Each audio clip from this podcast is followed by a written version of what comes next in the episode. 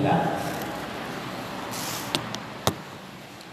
Saya akan mulai beberapa wasiat dan nasihat saya kepada pengurus sekalian. Eh, ada beberapa poin yang ingin saya terangkan Eh, dan poin-poin tersebut adalah آه، أذكر أننا وقفنا مع هذه الوقفات ولكن نعيد هذا بالتأكيد لأنها قد يكون مضى عليها سنة أو سنتين ولكن هذا الموضوع نحن العاملون بالدعوة إلى الله نحتاج إلى تذكر الكتاب هذه الأمور دائما والتواصي بها yang bagi saya pribadi barangkali poin ini sudah pernah disampaikan setahun atau dua tahun sebelumnya tapi karena kita adalah para dai yang bekerja untuk Allah Subhanahu wa taala eh, diperlukan nasihat, tazkir, pengulangan dari hal-hal yang menyemangati kita di dalam melayani agama Allah Subhanahu wa taala. وهذه الوقفات هي مع قوله تعالى قل هذه سبيلي أدعو إلى الله على بصيرة أنا ومن اتبعني وسبحان الله وما أنا من المشركين Poin pertama yang akan kita bicarakan itu adalah berangkat dari firman Allah Subhanahu wa taala di dalam surat Yusuf. Allah taala berfirman, "Qul hadhihi sabili," katakanlah ini adalah jalanku, adu ilallahi ala basiratin. Saya berdakwah di jalan Allah Subhanahu wa taala di atas ilmu, di atas basira. Saya dan orang-orang yang ana wa manittaba'ani aku dan para followerku subhanallahi wa ma ana minal musyrikin maha suci Allah subhanahu wa ta'ala bukanlah aku termasuk orang-orang yang berbuat kesyirikan فيقول الله تعالى قل أي قل يا محمد. قل يا محمد لكل الناس كلهم. هذه سبيلي. هذه سبيلي. أي هذه طريقي. أي هذه طريقي. Interpretasi dari ayat yang dibaca tadi itu eh, yang pertama bahwa katakanlah kul katakanlah olehmu wahai Muhammad kul di situ. Jadi Allah taala berkata ya menyuruh kepada Nabi SAW katakanlah olehmu wahai Muhammad hadhihi sabili ini adalah sabili jalanku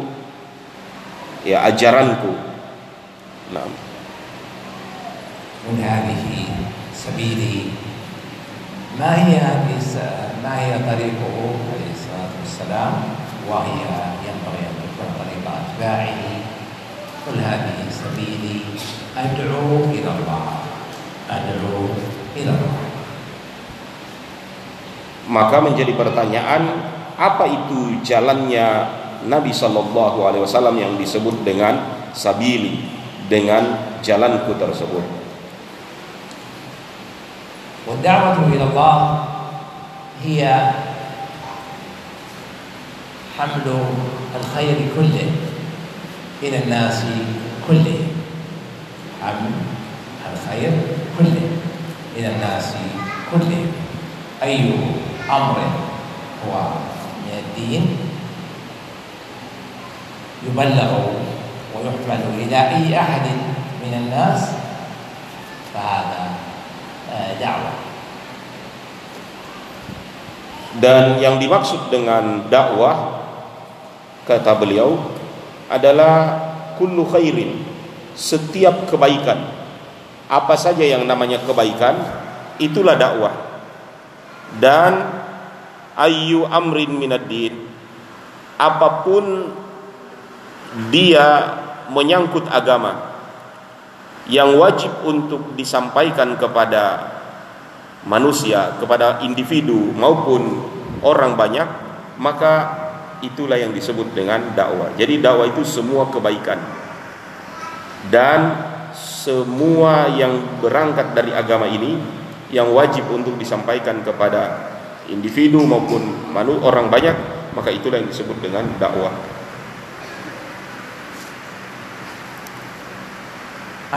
الله أدعو إلى الله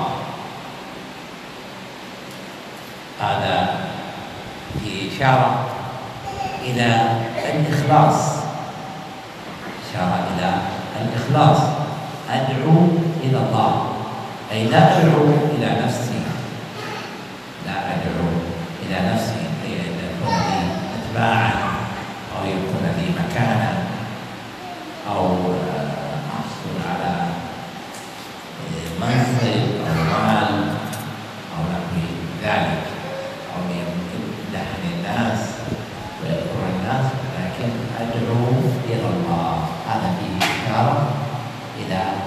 الإخلاص كذلك أيضا لست أدعو إلى حزب أو جمعية أو مؤسسة أو إقليمية أو دولة بل أدعو إلى الله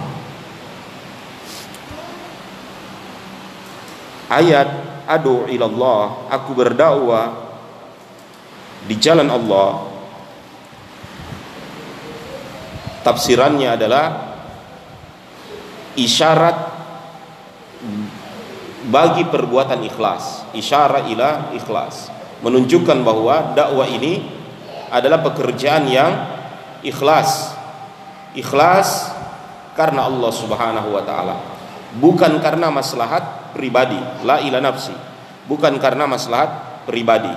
Kita berdakwah juga bukan karena ingin meraih jabatan penghormatan.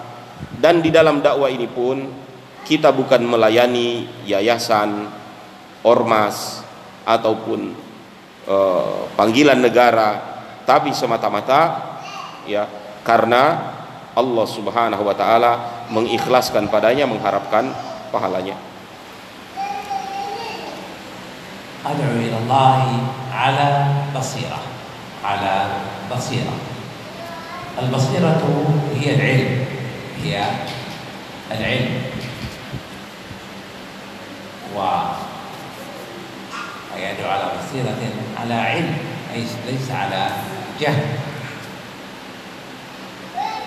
فلا بد للداعية أن يكون ذا علم ذا علم علم بما يدعو إليه ويدعو إلى ما يعلم ولا يتجاوز ما يعلم.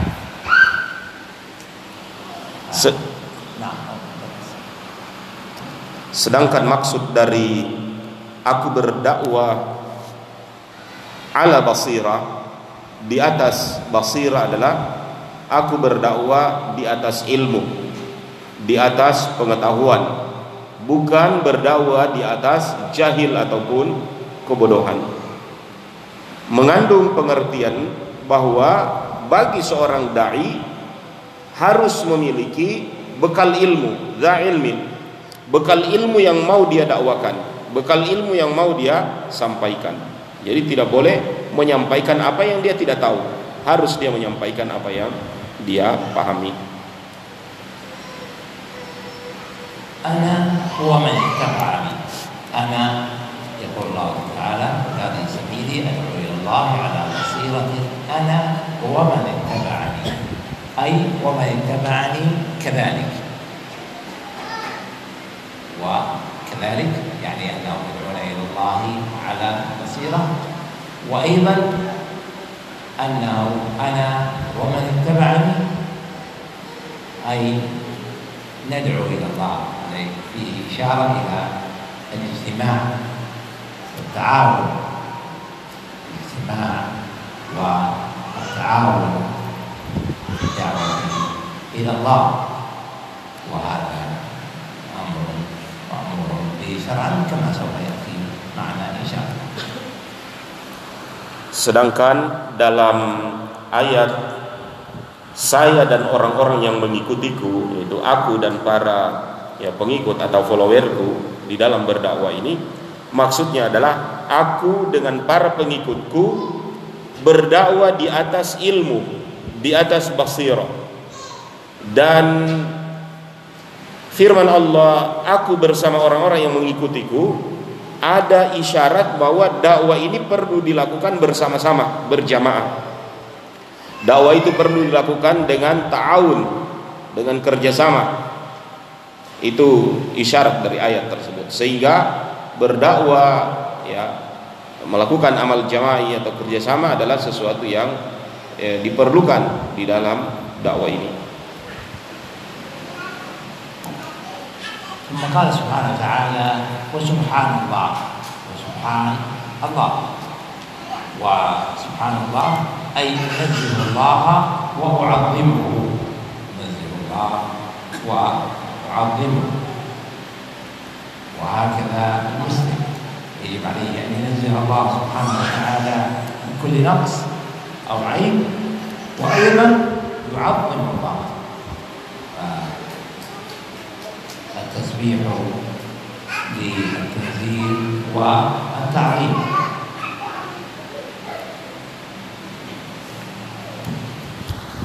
Adapun dalam ayat subhanallah Subhanallah artinya aku sucikan Allah aku besarkan Allah itu arti dari subhanallah aku sucikan Allah dan aku besarkan Allah. Artinya seorang muslim setiap harinya senantiasa membesarkan Allah Subhanahu wa taala dan selalu menyucikan Allah Subhanahu wa taala. Subhanallah ana min wa ma khatama al-ayat wa ma ana min المشركين. وما أنا من المشركين. هذا فيه البراءة من الشرك وأهله. فأمر الله نبيه أن يقول وما أنا من المشركين. لست منهم. ولا هم مني. فهذا فيه براءة من المشركين. وفيه براءة من الشرك وأهله. كما وصف الله نبيه إبراهيم فقال ولم يكن من المشركين. ف وهذا في إشارة إلى براءة من الشرك وأهله وأفعالهم وما كان من خصائصه.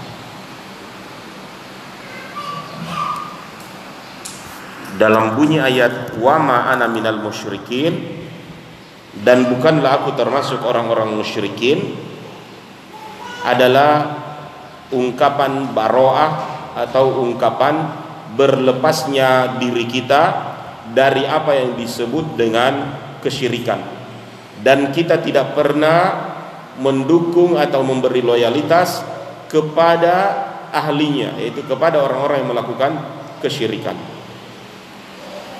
lastu minhu walahum minni Kata Syekh, aku bukanlah termasuk orang musyrik dan mereka itu bukanlah orang-orangku juga, bukanlah orang-orang yang aku dukung ketika melakukan kesyirikan. Hal ini sebagaimana pribadi Nabi Ibrahim alaihi salam yang disebut oleh Allah Subhanahu wa taala belum pernah beliau Ibrahim itu melakukan kesyirikan. Jadi seorang dai di jalan Allah taala ya selalu memprioritaskan hari ini yang membesarkan Allah Subhanahu wa taala dan dia selalu berlepas diri, tidak pernah mendukung, tidak pernah loyal kepada apa yang disebut dengan kesyirikan atau menyekutukan Allah Subhanahu wa taala. هذه معاني حديثية ونأخذ منها عدة دروس الدرس الأول من قوله قل هذه سبيلي. هذه سبيل وهو أن الداعية ينبغي له أن يكون واضحا ظاهرا معروفا بأنه داعي. بأنه داعي. ليس يتخفى بدعوته أو أنه يستحي منها. يجب أن يعرفه كل من حوله؟ بأنه داعية ففي كل في كل أحواله. لهذا قل هذه سبيلي أي أنه كأنه يشير إليها. هذه هذه سبيلي واضحة بينة فيكون الداعية يعني واضحا آه، معروفا في دعوته يجهر بها. ما لم يوجد ضرورة. ما لم يوجد ضرورة يتخفى بها ولكن الأصل أن يكون واضحا معروفا بأنه داعيا بقوله وفعله وكل أحواله Setelah kita menjelaskan makna dari ayat yang akan kita ambil pelajaran-pelajarannya, maka saat ini marilah kata beliau kita mengambil pelajaran dari ayat ini. Pelajaran yang pertama dari ungkapan kul hadhihi sabili katakanlah ini adalah jalanku berarti bahwa seorang dai itu harus jelas. Harus jelas apa? Identitasnya bahwa dirinya adalah sebagai seorang dai. Jadi dia harus dikenal oleh orang-orang juga sebagai seorang dai tidak boleh seorang dai itu sembunyi-sembunyi atau uh, tidak menjelaskan identitasnya sebagai seorang dai. Jadi seorang dai itu harus jelaskan dirinya, dirinya adalah seorang dai dan tidak boleh malu-malu. Diketahui oleh orang banyak bahwa dia adalah dai. Syekh mengatakan tidak boleh seorang itu menyembunyikan dirinya bahwa dia adalah seorang dai kecuali ada keperluan, ada darurat yang mengharuskan dia harus menyembunyikan identitas dia sebagai seorang dai. Karena ungkapan hadhi sabili ini adalah jalanku adalah seolah-olah mengisyaratkan jelasnya jalan yang dia susuri yaitu ya jalan dakwah yang harus ditiru dan diikuti oleh orang-orang. المسألة الثانية أو الدرس الثاني في هذه الآية. في قوله أدعو إلى الله. في هذا أن طريق النبي صلى الله عليه وسلم هو الدعوة. ففيه أن المتبع للنبي صلى الله عليه وسلم حقيقة هم الدعاء. وأن الدعاة سائرون على طريق النبي صلى الله عليه وسلم والدعوة من أفضل الأعمال دعوة من أفضل الأعمال Adapun dalam bunyi ayat adu ilallah aku berdakwah di jalan Allah memberi pengertian bagi kita bahwa jalan dakwah ini adalah jalannya Nabi sallallahu alaihi wasallam dan jalannya Nabi itu adalah dakwah sehingga orang yang disebut dengan pengikut setia Nabi tidak lain dan tidak bukan sebenarnya mereka adalah para dai. Ya, saya ulangi, ungkapan adu ilallah, aku berdakwah di jalan Allah bahwa inilah jalannya Nabi dan orang yang mengikuti Nabi Shallallahu Alaihi Wasallam tidak lain dan tidak bukan mereka lah yang disebut sebagai dai ya sebagai duat ilallah subhanahu wa taala. Dan ini adalah semulia-mulia jalan semulia-mulia perkataan dan semulia-mulia perbuatan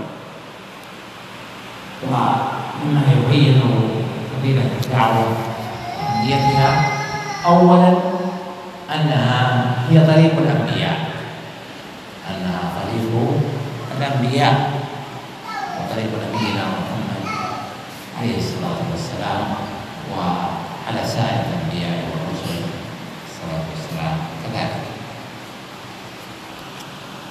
Sekedar mengingatkan kemuliaan dakwah ini, kata beliau, sudah dakwah inilah jalannya para nabi, sudah dakwah inilah profesi ya para nabi-nabi Allah Subhanahu wa taala makanya siapa yang menyusurinya mereka menyusuri jalannya para nabi كذلك من فضائل الدعوة يقول النبي صلى الله عليه وسلم والله أو الذي نفسي بيده قال سلم الذي نفسي بيده آه، لأن يهدي الله بك رجلا واحدا خير لك من حمر النعم وحمر النعم هو يعني من أغلى الأموال عند العرب أي أن هداية واحد من الناس إلى الحق هي خير من آه، نقول من آه، أموال الدنيا خير. Poin kedua dari kemuliaan dakwah Poin pertama tadi yaitu dakwah adalah jalannya para nabi. Beliau mengatakan poin kedua dari kemuliaan dakwah ini adalah merujuk kepada hadis Nabi Shallallahu Alaihi Wasallam yang mengatakan bahwa engkau memberi hidayah kepada satu orang itu pahalanya adalah lebih baik bagimu dari mendapatkan onta merah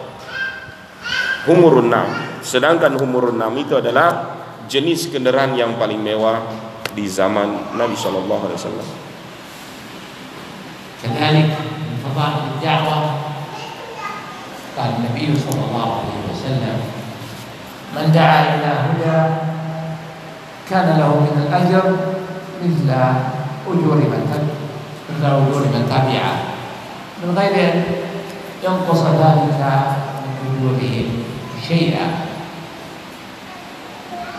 فالداعي له مثل أجر من اهتدى بدعوته وبلغته هذه الدعوة على مر الزمان ولو طال الزمان نعم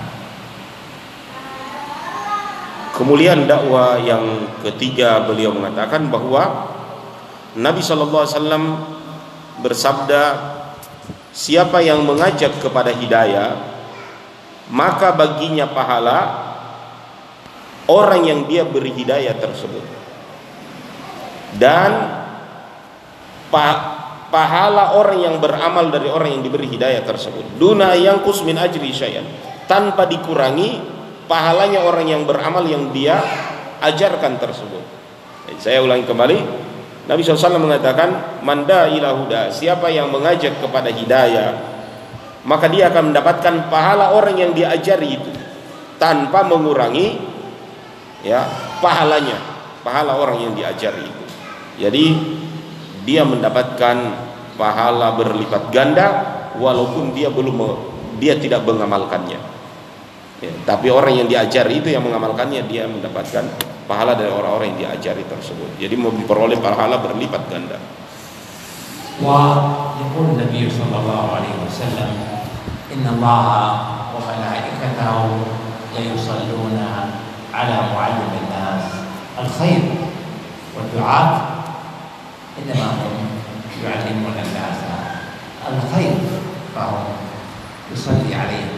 الله والملائكة.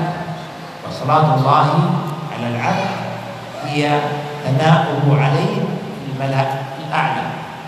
صلاة الله على العبد هي ثناؤه عليه في الملأ الأعلى.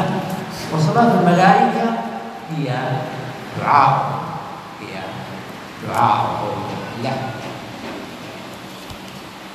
Kemuliaan yang keempat bagi orang yang berdakwah dan dai di jalan Allah adalah sebagaimana yang disampaikan oleh Nabi SAW Allah Ta'ala dan para malaikatnya bersalawat atau berdoa kepada muallimil khair kepada orang yang mengajarkan kebaikan.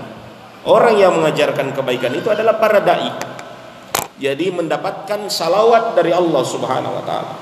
Salawat atau doa apa yang disebut dengan salawat Allah Ta'ala? Salawat Allah Ta'ala kepada hamba itu adalah pujian Allah atas pekerjaan hamba itu di hadapan malaul a'la.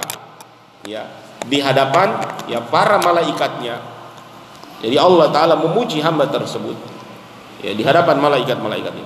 Adapun salawatnya malaikat kepada hamba adalah doa ya dari malaikat itu untuknya.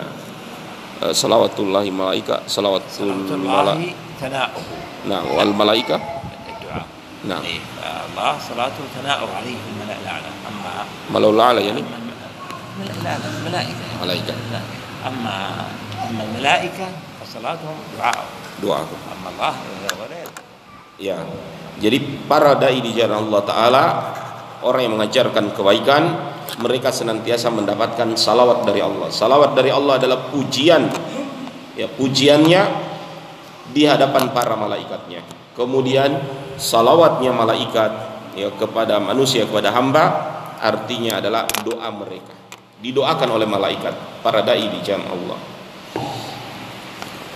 كذلك يقول النبي صلى الله عليه وسلم إذا مات ابن آدم انقطع عمله إلا من ثلاث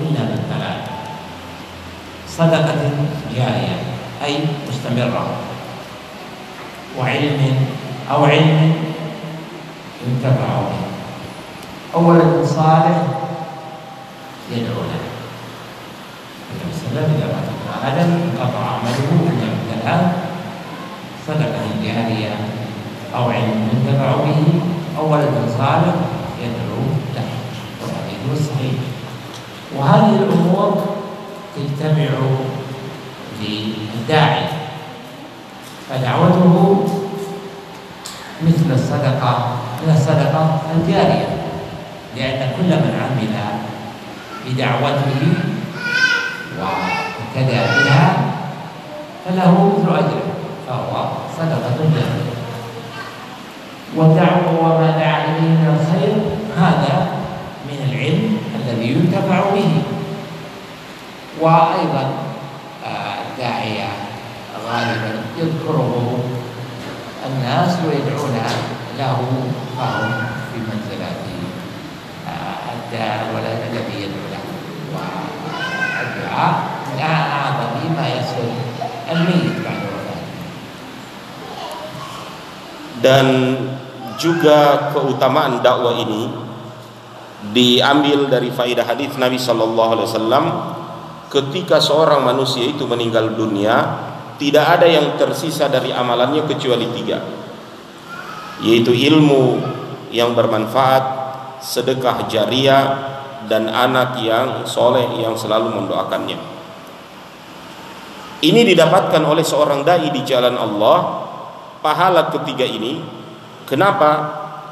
Karena ketika dia berdakwah apa yang diajarkan itu bagaikan sedekah jariah yang akan terus mengalir dan memberi manfaat kepada manusia. Jadi dakwah itu adalah sedekah jariah.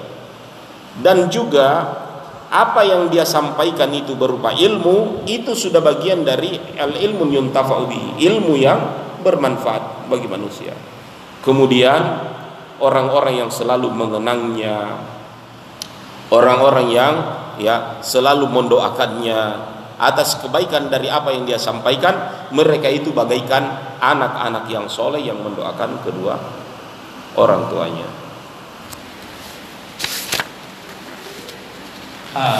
الدرس الثالث من هذه الآية الذي نأخذه من هذه الآية هي هو في قوله تعالى أدعو إلى الله وهو إشارة إلى كما قلنا إلى الإخلاص الدعوة إلى الله عبادة. الدعوة إلى الله عبادة. لأن العبادة اسم جامع لكل ما يحبه الله ويرضاه والدعوة ذلك وكل عبادة يشترط فيها بقبولها وصحتها الإخلاص. Poin ketiga dari yang kita bicarakan dari pelajaran ayat ini uh, Kalau ada yang bertanya itu poin kedua yang mana? Poin kedua yang bunyi ayat adu ilallah ya kan akan berdakwah jalan Allah. Poin pertama yaitu ketika uh, kul sabili. Poin ketiga itu dalam bunyi ayat adu ilallah. Aku berdakwah di jalan Allah. Kami sampaikan maksud dari situ adalah dakwah itu dengan ikhlas. Aku berdakwah jalan Allah artinya aku berdakwah dengan ikhlas. Beliau menyampaikan dakwah ini sebenarnya dia adalah ibadah. Ya, dakwah ini adalah ibadah. Dan pengertian ibadah itu yang sebagaimana kita kenal adalah nama dari semua perbuatan lahir dan batin perkataan maupun perbuatan lahir dan batin yang disukai dan dicintai oleh Allah Subhanahu wa taala. Itu yang disebut dengan ibadah. Ya. Dan dakwah ini adalah ibadah. Sedangkan ibadah itu diterimanya syarat ya diterimanya adalah ikhlas karena Allah Subhanahu wa taala. Dengan demikian ketika antum berdakwah di jalan Allah maka berarti antum telah mengikhlaskannya Ya, mengikhlaskan apa? Mengikhlaskan ibadah kepada Allah Subhanahu wa taala. Karena apa yang antum lakukan itu adalah ya semua yang disukai, dicintai oleh Allah Subhanahu wa taala. كذلك يقول النبي صلى الله عليه وسلم في حديث امير المؤمنين عمر بن الخطاب رضي الله عنه انما الاعمال بالنيات وانما لكل امرئ ما نوى الحديث كما هو معلوم متفق عليه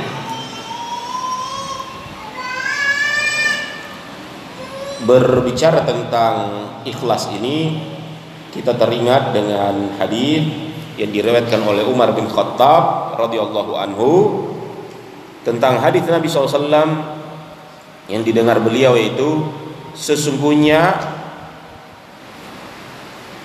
amalan-amalan itu ya hanyalah akan diberi pahala berdasarkan dengan niatannya. Innamal amalu bin niat ya.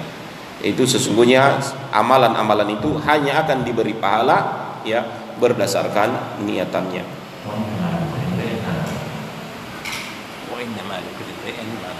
dan setiap sesok, setiap orang itu akan diberi ganjaran dari apa yang dia amalkan karena niatan-niatannya. كذلك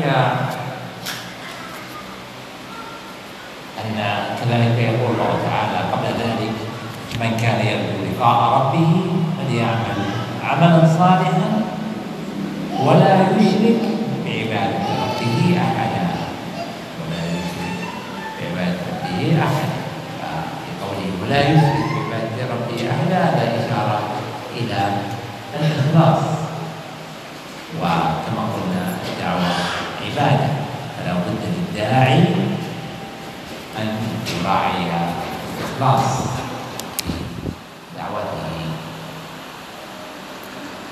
Uh, poin ketiga dari keikhlasan ini adalah perintah dari Allah Subhanahu wa taala kepada kita sekalian dalam ayat yang berbunyi ya Siapa yang menginginkan keridhaan dari Allah Subhanahu wa taala, falyamal amalan sholihan. Maka hendaklah dia beramal soleh. Itu siapa yang ingin meraih ridho, hendaklah dia beramal soleh. Amal soleh dan wala yusyrik bi ibadati ahada. Dan jangan coba-coba dia berbuat kesyirikan, ya membuat tandingan kepada Allah dengan sesuatu apa pun. Ya, artinya diperlukan keikhlasan ya, untuk meraih ridho dari Allah beramal soleh dan berbuat ikhlas maka di dalam dakwah ini senantiasa kita ya berbuat ikhlas dan selalu berusaha untuk ikhlas. وكما قلنا أن الإخلاص هو يعني الدعوة أن لا يتطلع إلى شيء من الدنيا من الذكر والمدح أو الشرف والمكانة أو المنصب أو المال أو أن يكثر أتباعه وإنما يكون قصده فقط أن يهدي الناس إلى آه إلى الله والصراط المستقيم وسنة سيد المرسلين عليه الصلاة والسلام.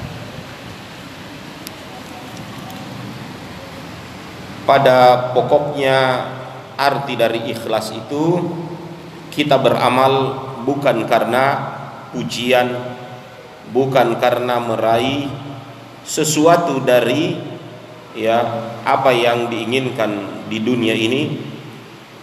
Arti dari ikhlas juga ini bukan untuk meraih jabatan bukan untuk mendapatkan harta maupun mendapatkan pengikut atau populer ya tetapi semata-mata ya keikhlasan dari dakwah ini adalah karena kita menginginkan memberi hidayah kepada manusia agar mereka kembali kepada Allah taala agar mereka juga bisa berjalan di atas siratal mustaqim itu jalan agama Allah taala yang lurus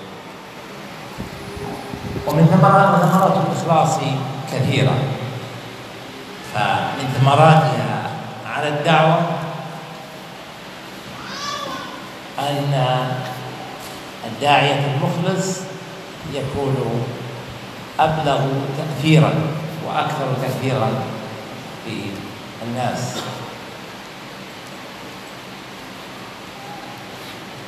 فقد كان أحد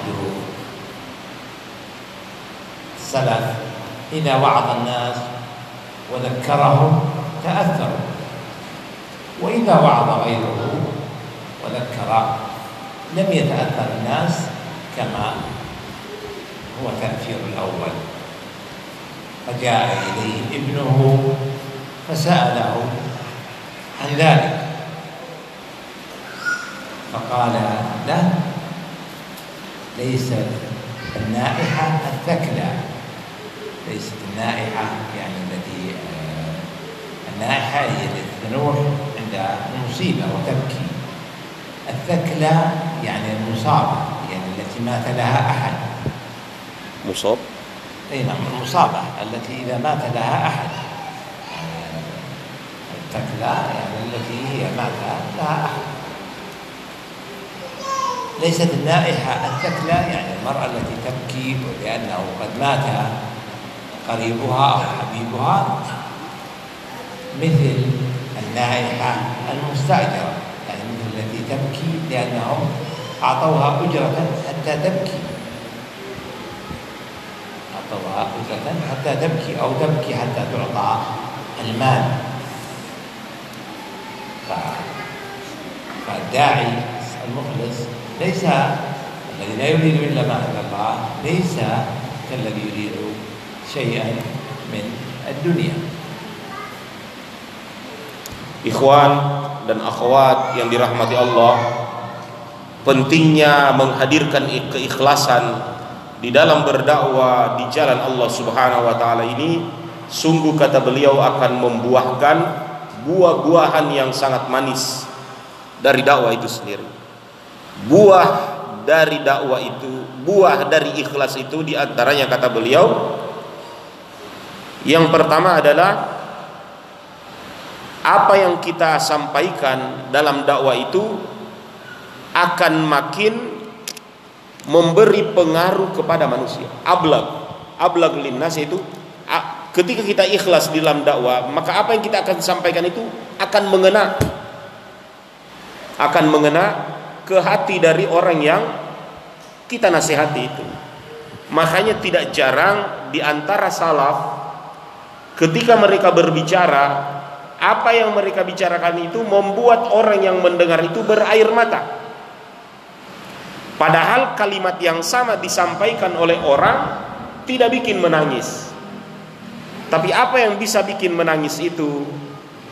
Beliau mengatakan air mata yang menetes karena air mata yang menetes itu semata-mata karena beban dan duka. Tidak akan mungkin air mata itu dipaksakan untuk keluar kalau dibayar. Nah, seorang yang telah menjual ya amalan dakwanya untuk Allah Subhanahu wa taala, inilah yang akan menyampaikan ke dalam hati. Beda dengan orang yang menjual dakwanya untuk ya selain Allah Subhanahu wa taala, tidak akan mungkin air mata itu ya kata beliau dijual ya atau dipaksakan untuk keluar. Jadi insya Allah ketika kita ikhlas berdakwah ini maka apa yang kita sampaikan itu akan mengalir di hati orang. كذلك الإخلاص يجعل أثر الداعي يبقى وينتشر فحين ألف الإمام مالك كتابه الموطأ في الحديث. ألف عدد من الناس في عهده موطئات فجاء إليه أحد تلاميذه وقال قد ألف الناس موطئات يعني مثلك يا إمام. فقال الإمام مالك لا يبقى إلا ما أريد به وجه الله. لا يبقى إلا ما أريد به وجه الله. واليوم يوجد موطأ الإمام مالك إلى اليوم يطبع ويشرع ويحفظ ويدرس في كل الدنيا. ويباع ويشترى ويوزع. أما باقي الموطئات فلا أحد يعرفها ولا يدري ولا يدرى أين ذهبت Selanjutnya ayuhal ikhwa wal akhawat Kalau kita ikhlas Berbuat ikhlas ini Buah yang kedua kata beliau Menjadikan apa yang kita amalkan itu Akan kekal Akan abadi Ya manfaatnya akan tersebar kepada banyak orang Contoh kecilnya kata beliau Penulisan kitab Al-Muwatta Imam Malik. Ya walaupun ya beberapa muridnya mengeluh ya dari penulisan ini menemui kendala tapi imam mengatakan apa yang dikerjakan ikhlas karena Allah maka niscaya dia akan kekal dan akan tersebar ya dan kita menyaksikan saat ini ya kitab Al-Muwatta Imam Malik itu tersebar di seluruh penjuru dunia dipelajari, dihafalkan oleh umat manusia. Kata beliau ini karena amalan ikhlas karena Allah. Ya, di sisi yang lain terdapat tulisan di sisi yang lain terdapat tulisan uh, yang barangkali tulisan tersebut maupun penulisnya tidak ada lagi orang yang kenal. Ya, tidak ada orang yang kenal atau sampai kepada manusia tulisan tersebut. Kenapa? Ini kembali kepada keikhlasan. Apabila kita berbuat ikhlas, maka hasil dari perbuatan itu akan sampai kepada manusia dan akan tersebar. Ya. Sebagaimana contoh Al-Muwatta tadi.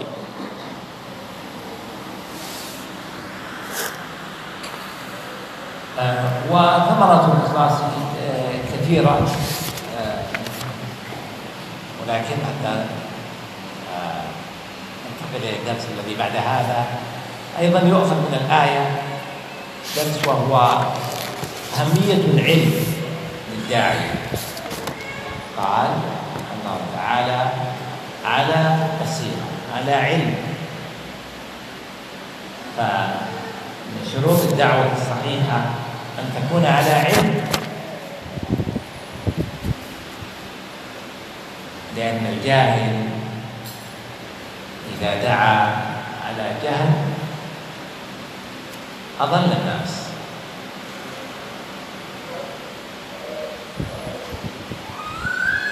Kemudian kita berpindah kepada poin yang keempat dari uh, fawaid ayat ketika dia berbunyi ala basira berdakwah di atas basira atau ilmu. Dan sebelumnya beliau mengatakan uh, buah-buah keikhlasan itu sangat banyak tapi beliau akan sisakan mungkin dalam pelajaran yang lain manfaat atau buah dari ikhlas. Beliau berpindah kepada uh, apa sub pokok bahasan kita yaitu ayat dalam bunyi ayat ala basira aku berdakwah di jalan Allah di atas basira yaitu di atas ilmu maka wajib bagi kita mendakwakan ya sesuatu itu berdasarkan ilmu sebab orang yang jahil itu ketika dia mengajak manusia di atas kejahilan hanya akan menjadikan orang yang diajak itu tersesat. Itu kata beliau. Makanya kenapa berdakwah itu harus di atas ilmu. Harus memiliki ilmu. Karena ketika dakwah itu dijalani oleh orang yang jahil dan apa yang diajarkan itu berupa juga kejahilan, bukan hidayah yang didapatkan manusia, tapi tersesat. بين النبي صلى الله عليه وسلم أن من أسباب الضلال هو اتخاذ الرؤساء المتبوعين الجهال يقول النبي صلى الله عليه وسلم إن الله لا يقبل العلم انتزاعا ينتزعه من صدور الرجال ولكن يقبضه بقبض العلماء. حتى إذا لم يبقي عالما اتخذ الناس رؤوسا جهالا فأفتوا بغير علم فضلوا وأضلوا. والحديث صحيح. وكذلك يقول النبي صلى الله عليه وسلم إنما أخاف على أمتي الأئمة المضلين. أخاف على أمتي المضلين.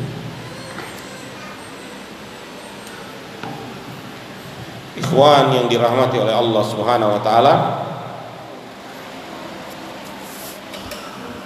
Adapun sebab-sebab kebodohan itu ashab as, eh, asbabu dolala bisa asbabu nah, nah. Adapun sebab-sebab ketersesatan itu ya dalam poin uh, empat ini ya, masih tentang basir atau ilmu. Beliau mengatakan orang akan tersesat jikalau mengambil ruasaul juhal. Jikalau mengambil pemimpin ataupun orang yang dia contohi itu dari deretan orang-orang yang jahil atau orang-orang yang bodoh. Diambil dari hadis Nabi Shallallahu Alaihi Wasallam Allah tidak akan mengangkat ilmu itu dari dada-dada manusia dengan yang mendelet ataupun sekali menghapus. Tapi Allah mengangkat ilmu itu dari manusia dengan mematikan atau mewafatkan para ulama. Apabila para ulama yang menguasai ilmu itu wafat atau meninggal, maka mulailah manusia mengangkat pemimpin ataupun orang yang dijadikan contoh itu adalah ya orang-orang yang jahil.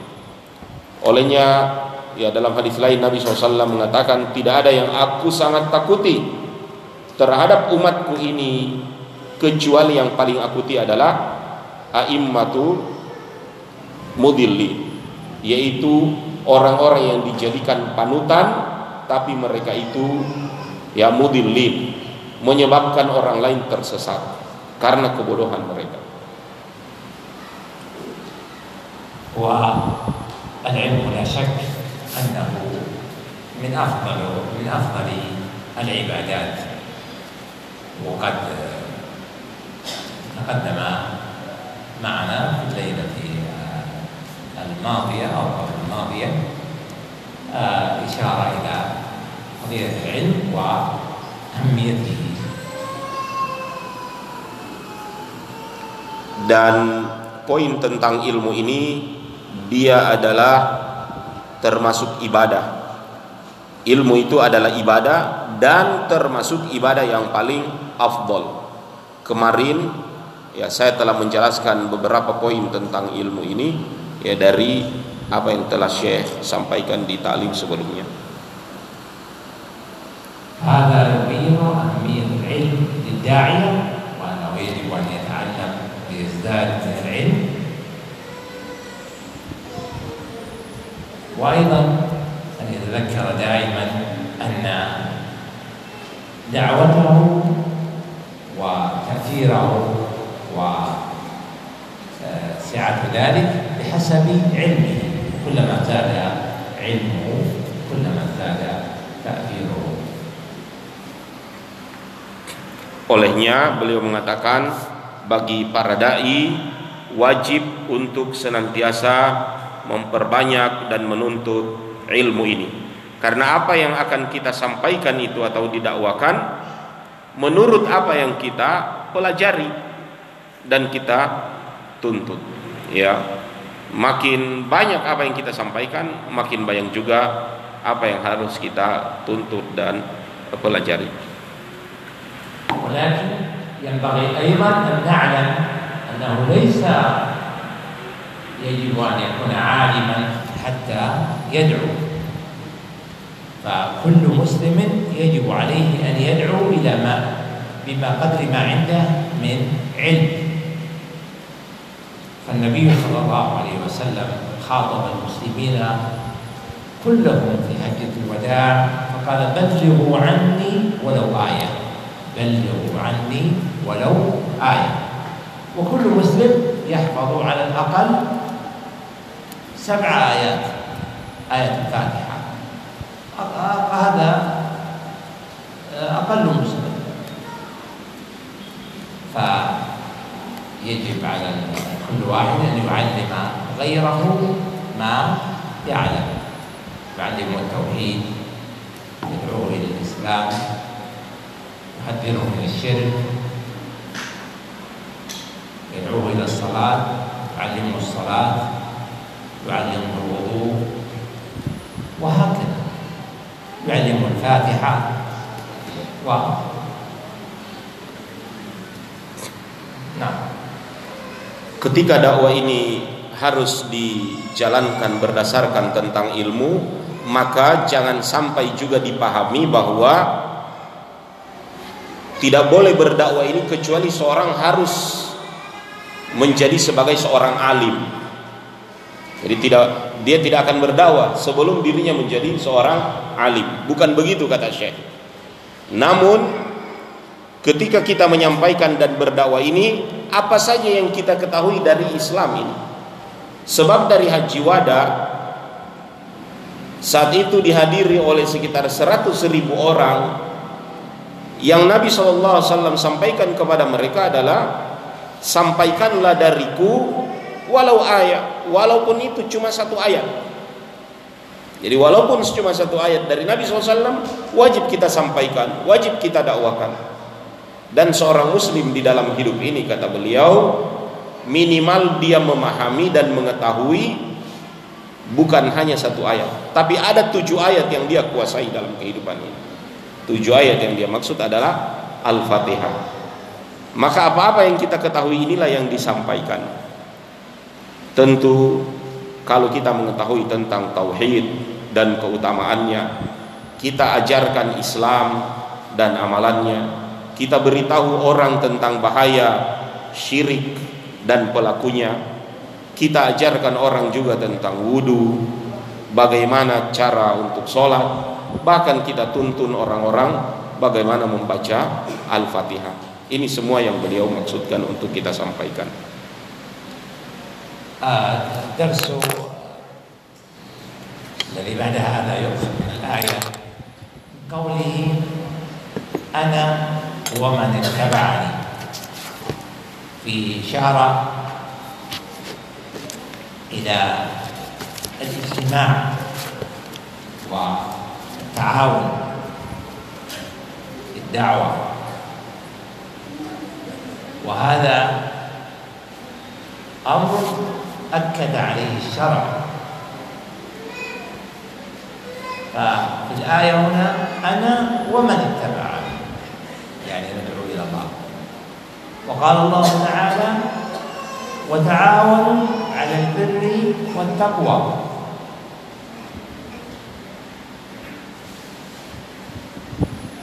وأيضا ذكرنا في سورة العصر أن من أسباب الفلاح والفوز في الآخرة التواصي بالحق والتواصي بالصبر